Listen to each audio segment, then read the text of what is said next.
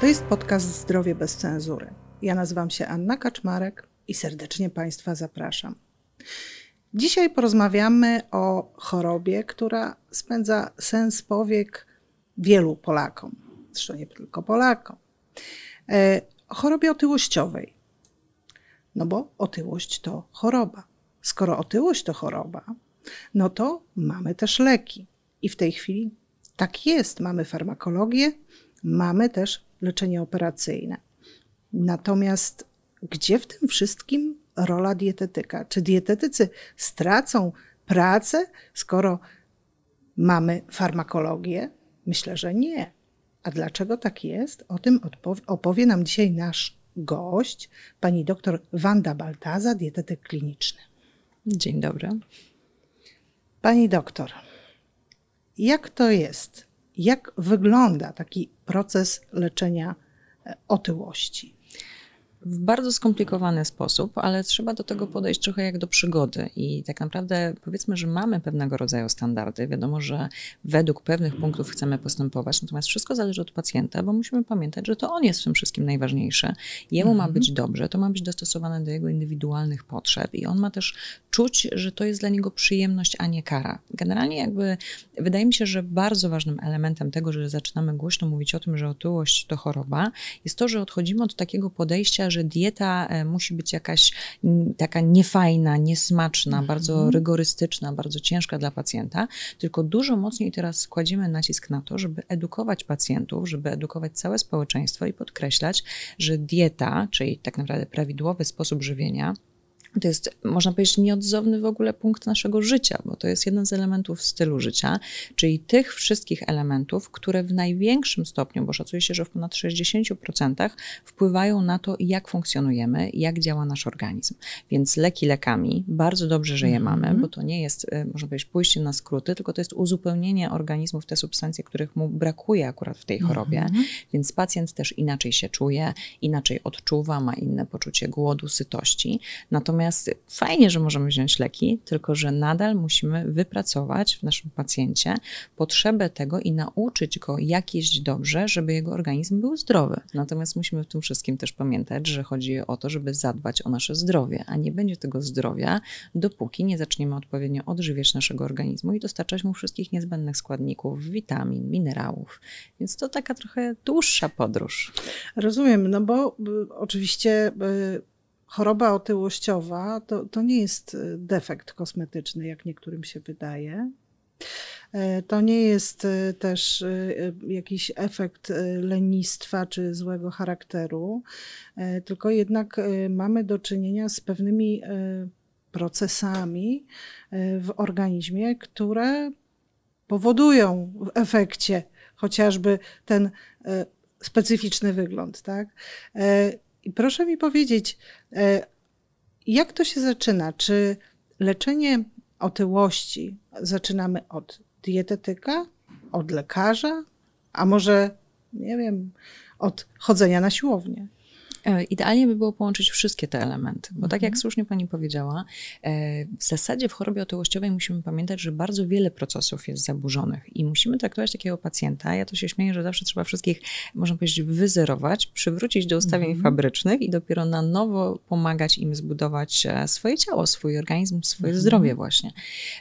Jak to jest i do kogo powinniśmy się zgłosić w pierwszej kolejności? To jest trudne pytanie, dlatego że często zdarza się tak, że najpierw ktoś idzie do lekarza, akurat uda mu się trafić trafić do dobrego lekarza, lekarz wysyła na badania i potem zaczyna się proces i zostaje taki pacjent odesłany do dietetyka.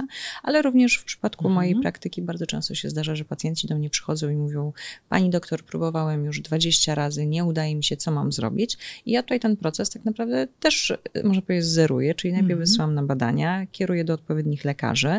Dopiero jak lekarz, można powiedzieć, zacznie dbać o to zdrowie, czyli tutaj musi tak naprawdę. Mhm zadbać o te wszystkie elementy, które się gdzieś tam delikatnie działają nie tak jak potrzeba, bo to nie możemy mówić o tym, że coś się popsuło, to wtedy jakby jednoczasowo, jeżeli wprowadzamy dietę, to efekty i samopoczucie tego pacjenta są kompletnie inne, bo też musimy właśnie pamiętać, że w ogóle samo to słowo dieta jest takie no okropne, no pejoratywnie w ogóle nacechowane. W Polsce to nam się kojarzy z bólem, cierpieniem, samobiczowaniem, a to chodzi o to, żeby poznać potrzeby organizmu i nauczyć pacjenta jeść według jego jego upodobań, ale tak, żeby to Mhm. było dla niego jak najbardziej korzystne. Przy okazji leczenia oty- tej choroby otyłościowej, to też jest tak, że nasz organizm bardzo mocno się zmienia. Musimy pamiętać, że w miarę tracenia każdego kilogramu potrzeby naszego organizmu będą kompletnie inne, w miarę jak jeszcze Mhm. dodatkowo dołożymy do tego aktywność fizyczną. Zaczną nam się zmieniać komponenty składu ciała, to się tak ładnie nazywa, czyli to, ile mamy tkanki tłuszczowej, ile mamy mięśni, ile mamy wody, to też potrzeby chociażby energetyczne, czy zapotrzebowanie na poszczególne składniki odżywcze będą się cały czas zmieniały. Dlatego tak naprawdę ten sposób żywienia, ta praca dietetyczna, to jest proces, bo tak naprawdę tworzymy nowe ciało. Musimy na nowo się go nauczyć. Czyli e, tak naprawdę dietetyk jest takim niezbędnym partnerem w tej e, drodze do, do zdrowia, do szczupłej sylwetki.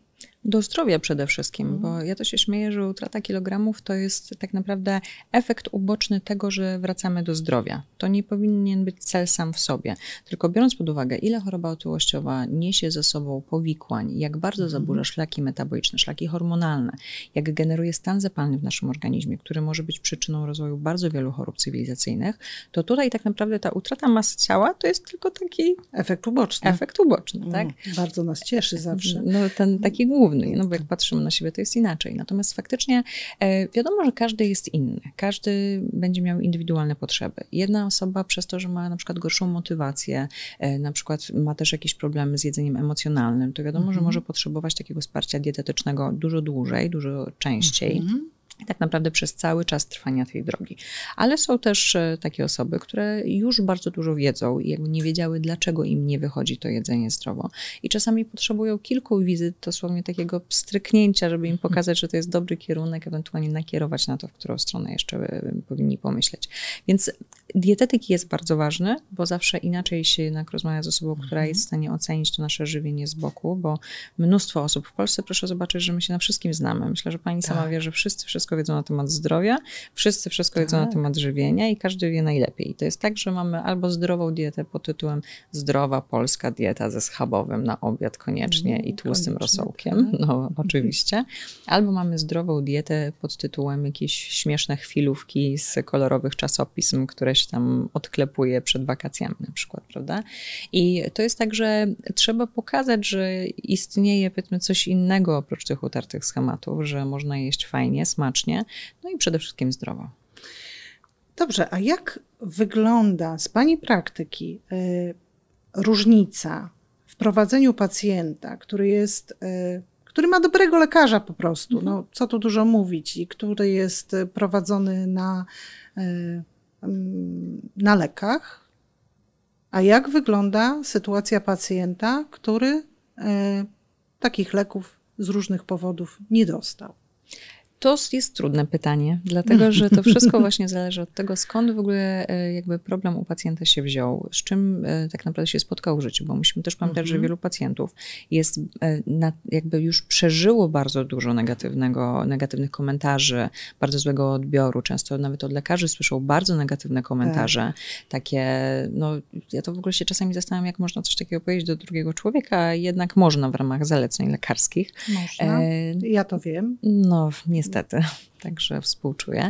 E, Natomiast to jest tak, że prawdę, jakby obserwuję coś takiego, że ludzie, którzy już są zadbani w jakiś sposób przez lekarza, mają wprowadzone to leczenie, e, podchodzą do tego bardziej optymistycznie i mają trochę więcej nadziei, że się uda.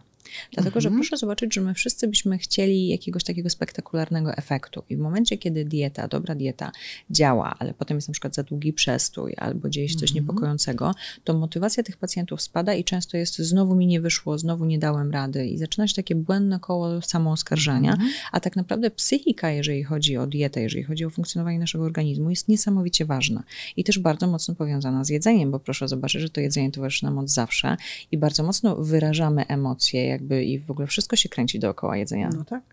No nie da się inaczej. I świętujemy, i cieszymy się, i opłakujemy, tak zawsze gdzieś jest to jedzenie.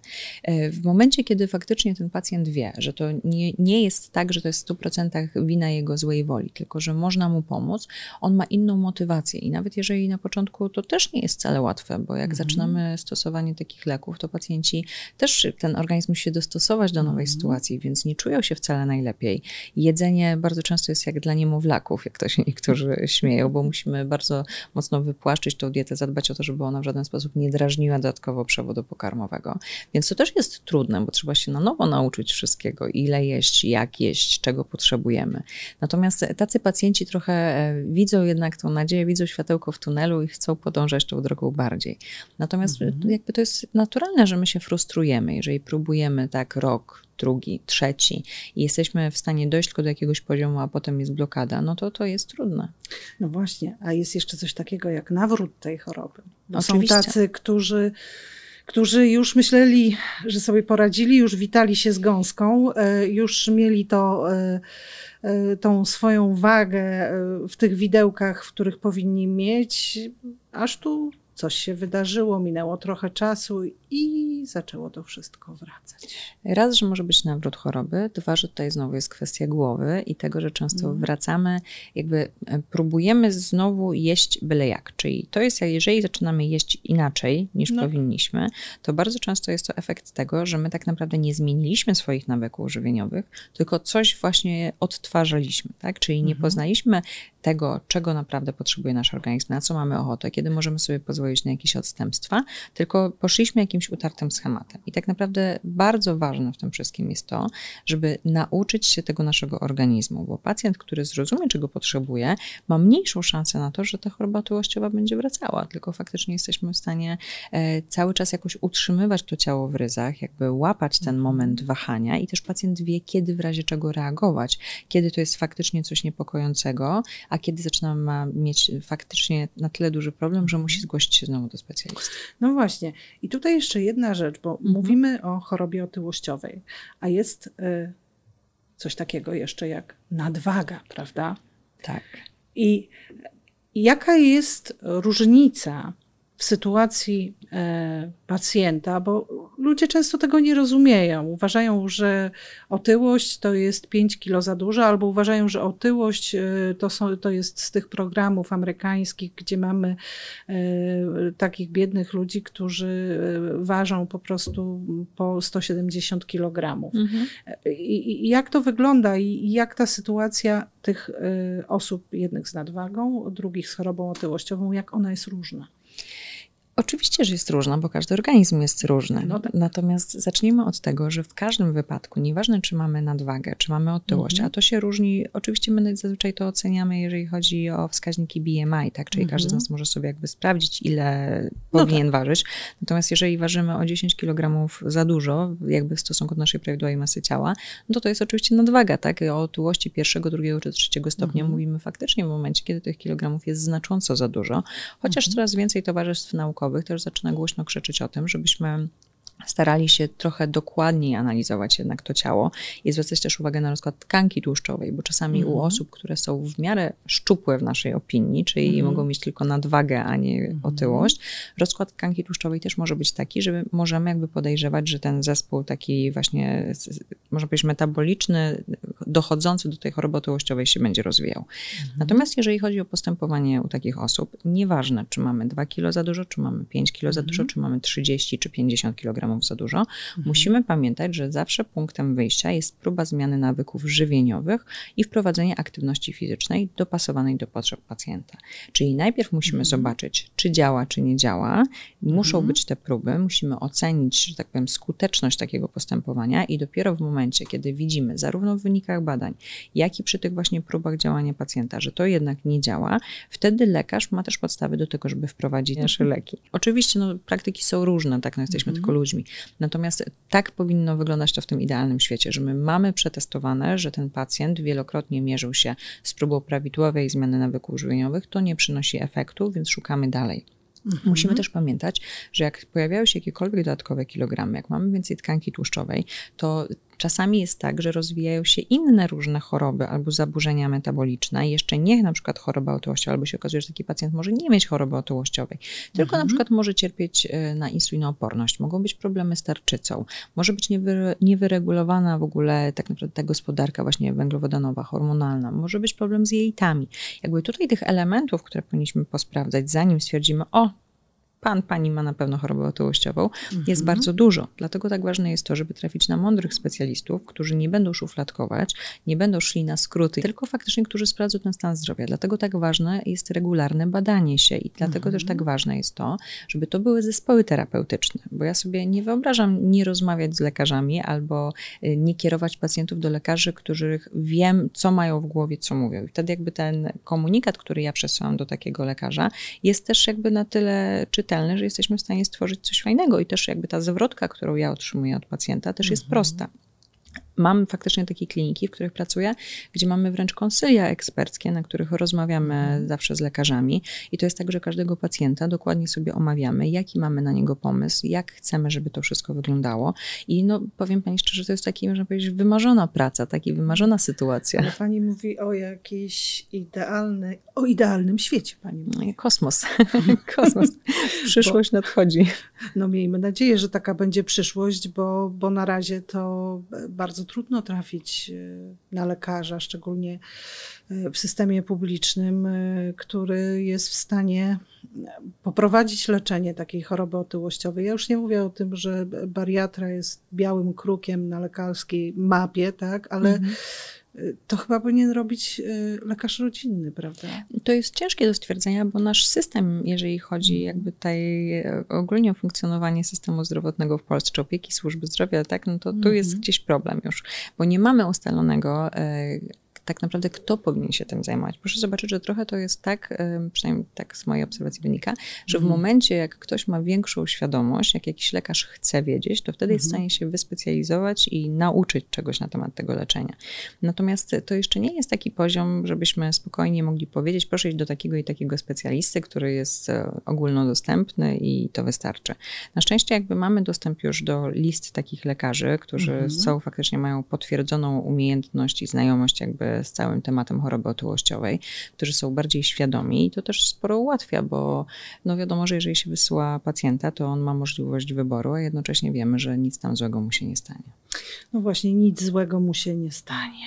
E, e, czego nie powinniśmy usłyszeć od lekarza, dietetyka, jeśli chodzi o leczenie otyłości?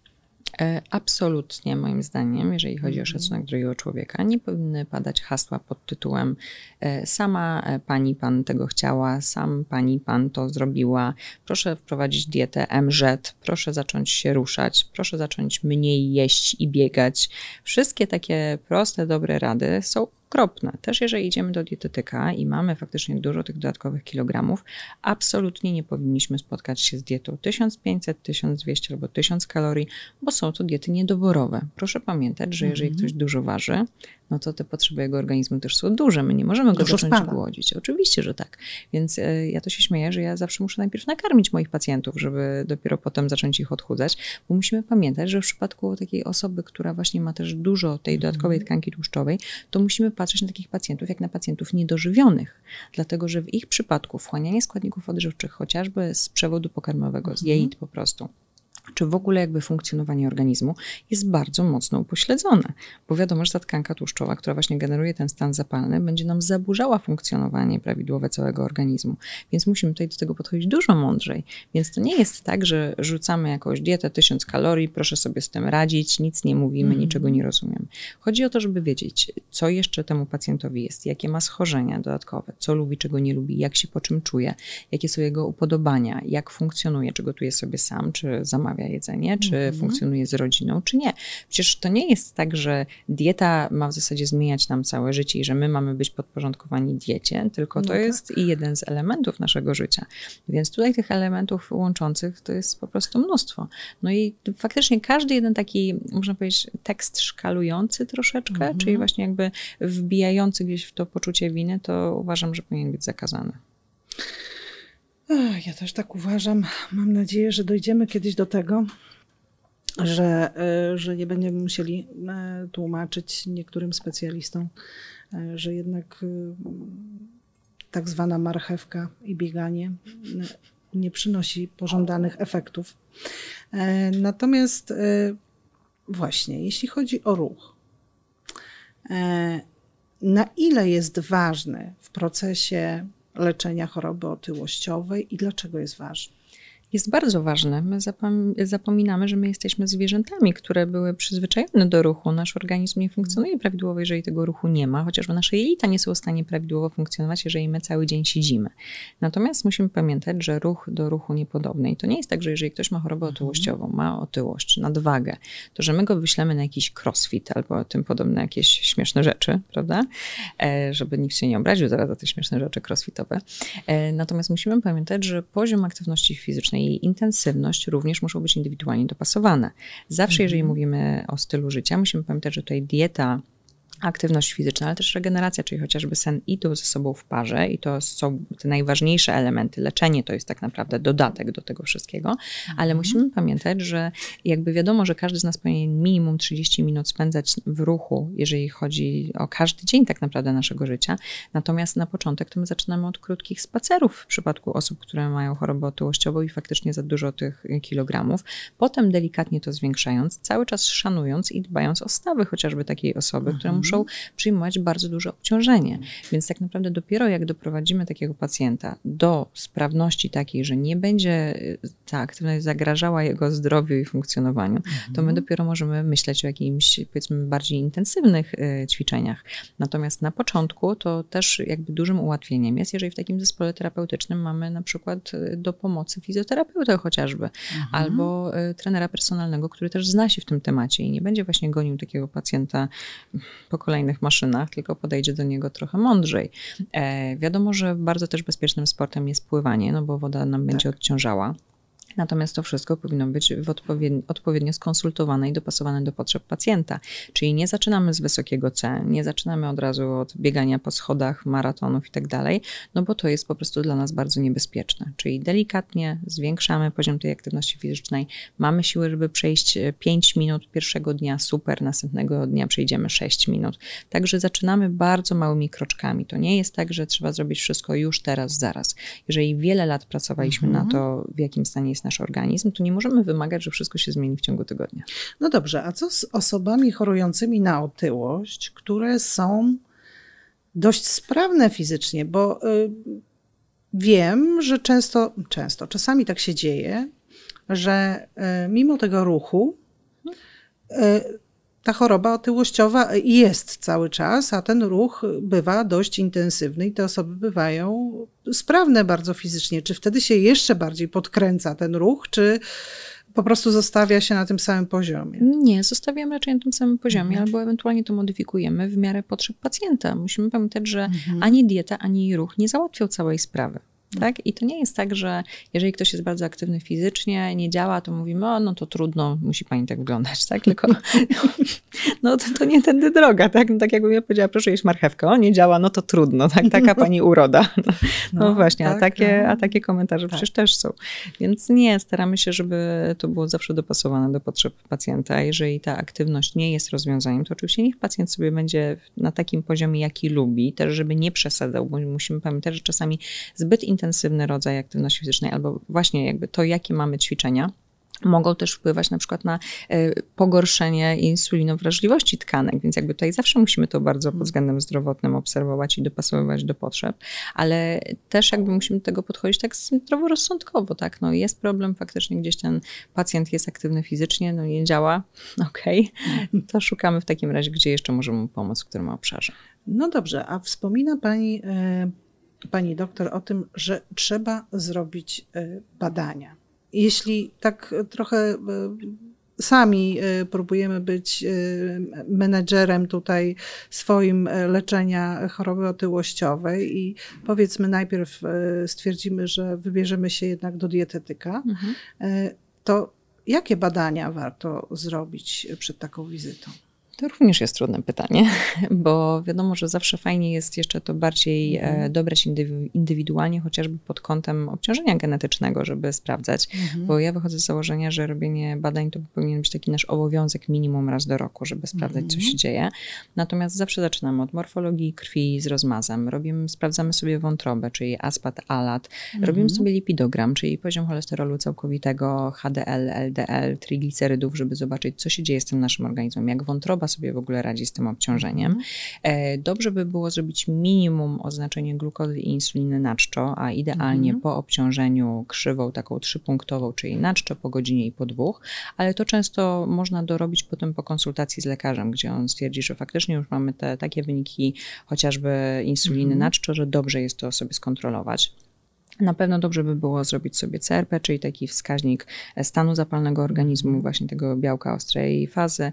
Możemy sobie zrobić odczyn Biernackiego, czyli magiczne OB. E, mhm. możemy sobie zrobić panel tarczycowy, czyli TSH, FT3, mhm. FT4, anty-TPO i anty-TG, dlatego że musimy pamiętać, że wszystkie te hormony są bardzo mocno od siebie zależne i te przeciwciała też nam pokazują ten stan zapalny, czy na przykład nie mamy choroby Hashimoto. Jakby tutaj tych elementów jest dużo. E, ja lubię jeszcze sprawdzać poziom kwasu moczowego, no i jak oczywiście E, no bo tutaj właśnie też chodzi o te stawy, tak? Czy mm -hmm. gdzieś tego chociażby mięsa nie jest za dużo w naszej diecie. No i oczywiście też potem sobie możemy dodatkowo jeszcze pooceniać hormony tutaj płciowe, jak one się rozkładają, co jeszcze się dzieje. I tak naprawdę moglibyśmy bez końca wymieniać różne tutaj parametry, bo wiadomo, że tego jest sporo. Natomiast to jest taki podstawa, podstawa podstaw, żeby w ogóle zobaczyć, co się dzieje. Czy y, osoby, y, które oprócz y, choroby otyłościowej mają i jeszcze inne obciążenia chorobowe, mhm. E, to, to które te choroby powodują, że jednak trudniej nam e, uzyskać tą prawidłową masę ciała? Nie umiem do końca odpowiedzieć na to pytanie, hmm. dlatego że z moich obserwacji wynika, że rzadko kiedy jest tak, że my mamy jedną chorobę, tylko zazwyczaj to jest taka kaskada. E, jak hmm. już jedno coś się zaczyna psuć, to zaraz potem wszystko również też, dlatego że musimy pamiętać, że nasz organizm jest system naczyń połączonych. I to jest tak, że to nieważne, czy mamy jedno schorzenie, czy mamy trzy, czy mamy dziesięć. To jakby jest kwestia hmm. tak czy siak musimy poszukać tego złotego klucza. Czasami jest łatwiej u osób, które mają więcej tych schorzeń, no bo zaczynamy z innego poziomu niż u osoby, u której na przykład jedna jakaś rzecz nam gdzieś wadzi i musimy jakby znaleźć, jak to rozpracować okay. pod względem dietetycznym. Więc to tak naprawdę pacjent pacjentowi nie jest równy i nie możemy tego oceniać przez ilość chorób, bo my to mhm. lubimy w Polsce i my lubimy, lubimy sobie tak. wynajdywać i zwalać na takie różne rzeczy, natomiast trzeba do tego podchodzić trochę bardziej filozoficznie. Jakby pamiętać, że jakby najważniejsza jest nasza psychika, gotowość, to co lubimy, to czego już próbowaliśmy. To są informacje ważne, a cała reszta, specjalista, który ma doświadczenie, jeżeli chodzi o prowadzenie żywienia właśnie w różnych chorobach, to sobie z tym poradzi, tak? Czyli podpowie, co eliminować, czego unikać, co czym zastąpić, tak, żeby faktycznie to mhm. żywienie było prostsze. Bo ono może również y, oprócz leczenia wspomagania leczenia choroby otyłościowej, rozumiem, że może wspomóc też y, panowanie nad innymi schorzeniami, które no mamy. To prawda? podstawa tak no, naprawdę. No, no właśnie. to podstawa. Musimy pamiętać, że to żywność powinna być naszym lekiem, prawda? Więc mhm. E, tutaj chodzi o to, żeby jakby musimy pamiętać, że w bardzo wielu przypadkach schorzeń, chorób, problemów nabytych, sama mhm. zmiana już e, żywienia daje bardzo dużą poprawę. Więc to jest tak, że czasami łatwiej jest właśnie zacząć od tej diety, żeby sprawdzić, czy czasem takie proste modyfikacje nie przyniosą pożądanych efektów, a dopiero potem wprowadzać leczenie. I część lekarzy tak robi, część nie, więc to wszystko zależy. że zaczyna. No ale są takie typowe, no przecież w cukrzycy, no nie wyobrażam sobie e, jakiegoś kontrolowania tej choroby bez, bez pewnej, pewnego e, reżimu jedzeniowego, tak? Reżimu jak reżimu, to jest kwestia nauczenia się czegoś innego. Mm. Ale no, tak jak na przykład w przypadku choroby e, cukrzycowej czy cukrzycy typu drugiego, to też coraz więcej głosów się pojawia, że to jest powikłanie choroby otyłościowej, no tak. a nie choroba sama w sobie. Więc tutaj też jakby wszystko, cała geneza, no to jest prawidłowe prowadzenie takiego pacjenta, jakby zrozumienie funkcjonowania tego organizmu. Więc to jest fascynujący temat. Czy tak naprawdę ta, to wejście farmakologii y, w leczeniu choroby otyłościowej zmienia pracę dietetyka? Mm, to też jest trudne pytanie. Powiedzmy może tak, powiem w swoim imieniu. Mhm. Jako, że ja od wielu lat pracuję jednak w zespołach e, terapeutycznych, czyli Mhm. mam do czynienia z lekarzami i zazwyczaj staramy się właśnie zadbać o tego pacjenta, to Mhm. brzydkie słowo wyświetlane, ale holistycznie, całościowo, Mhm.